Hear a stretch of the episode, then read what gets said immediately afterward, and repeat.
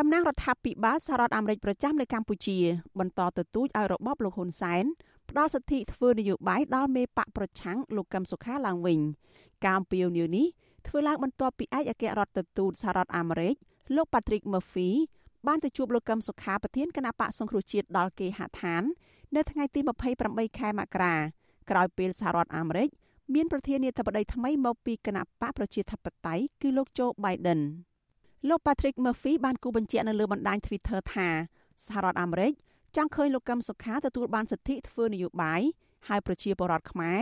អាចចូលរួមនៅក្នុងដំណើរការនយោបាយបានដូចដើមឡើងវិញលោក Patrick Murphy មានប្រសាសន៍ភ្ជាប់ទៅនឹងរឿងក្តីលោកកឹមសុខា ដែលតុលាការផ្អឹបទុកនោះថាយុត្តិធម៌ដែលយឺតយ៉ាវមានន័យស្មើនឹងគ្មានយុត្តិធម៌យ៉ាងដូច្នោះដែរចំណែកលោកកឹមសុខាវិញលោកបានសរសេរនៅលើ Facebook ថាលោកអរគុណ ដល់សហរដ្ឋអាមេរិកដែលទទួលស្គាល់គុណតម្លៃរបស់លោកក្នុងការងារសិទ្ធិមនុស្សនិងប្រជាធិបតេយ្យព្រមទាំងគោលជំហរដែលលោកប្រកាន់ខ្ជាប់គឺគោលការណ៍អហិង្សា ការអត់ធ្មត់និងតែងតែស្វែងរកដំណោះស្រាយបញ្ហានានាដោយសន្តិវិធី ដើម្បីបម្រើផលប្រយោជន៍ពលរដ្ឋខ្មែរលោកកឹមសុខាថ្លែងទៀតថាទោះជាលោកមិនមានសិទ្ធិសេរីភាពពេញលេញក៏ដោយក៏លោកនៅតែខ្វាយខ្វល់ចុះជួបនិងជួយដល់ពលរដ្ឋរងគ្រោះតាមលទ្ធភាពដែលលោកអាចធ្វើបាន។ មេបកប្រឆាំងរូបនេះបន្ថែមថាលោកសង្ឃឹមថា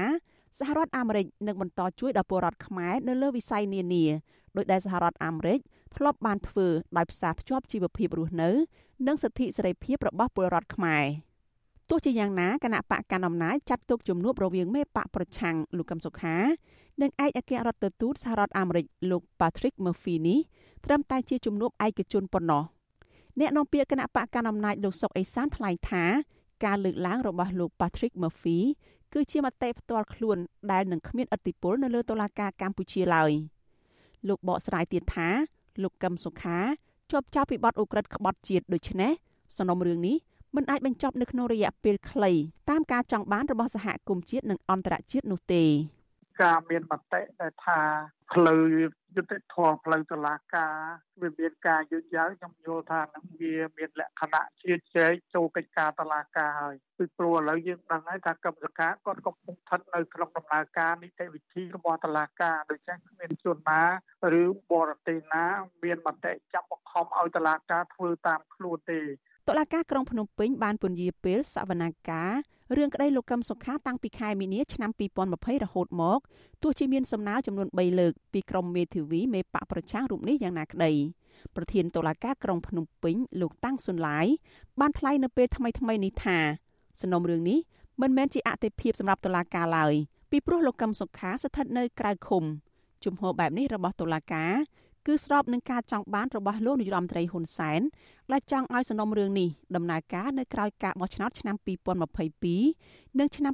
2023ខាងមុខរដ្ឋលេខាធិការនឹងជាអ្នកនាំពាក្យក្រសួងយុតិធធលោកចិនម៉ាលីនសរសេរនៅក្នុង Facebook ថាសំណុំរឿងលោកកឹមសុខា កំពុងស្ថិតនៅក្នុងដៃតុលាការហើយការសម្រេចបែបណានោះគឺជាឆន្ទានុសិទ្ធិរបស់តុលាការដែលលោកហៅថា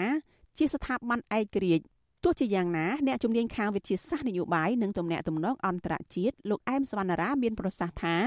សហគមន៍ជាតិនិងអន្តរជាតិនឹងមិនជឿលើការបកស្រាយរបស់មន្ត្រីរដ្ឋាភិបាលកម្ពុជានោះទេពីព្រោះពួកគេបានមើលឃើញច្បាស់ថាតុលាការកម្ពុជាមិនឯករាជ្យហើយសំណុំរឿងលោកកឹមសុខា គឺជាសំណុំរឿងនយោបាយលោកបន្តថារដ្ឋាភិបាលកម្ពុជា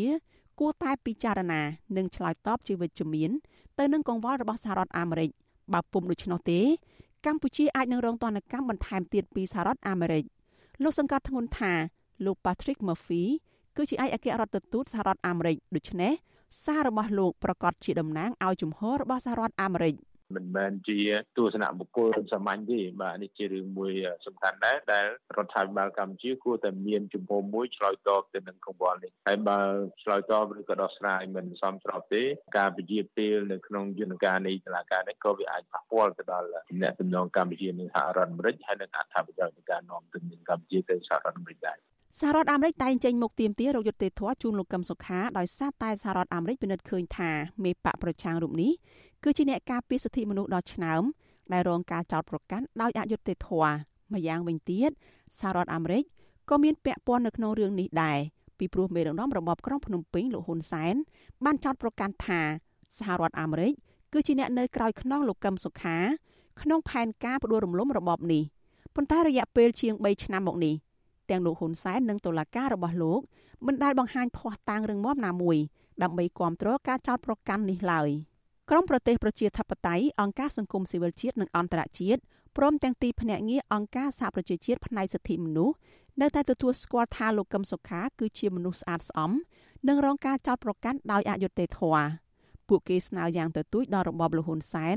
ឲ្យទម្លាក់ចោលបទចោទប្រកាន់និងផ្ដល់សិទ្ធិសេរីភាពពេញលេញដល់លោកកឹមសុខាដើម្បីឲ្យលោកអាចចាប់ផ្ដើមជីវិតនយោបាយបានដូចដើមឡើងវិញនាងខ្ញុំសុជីវីអាស៊ីសេរី រាយការណ៍ពីរដ្ឋធានី Washington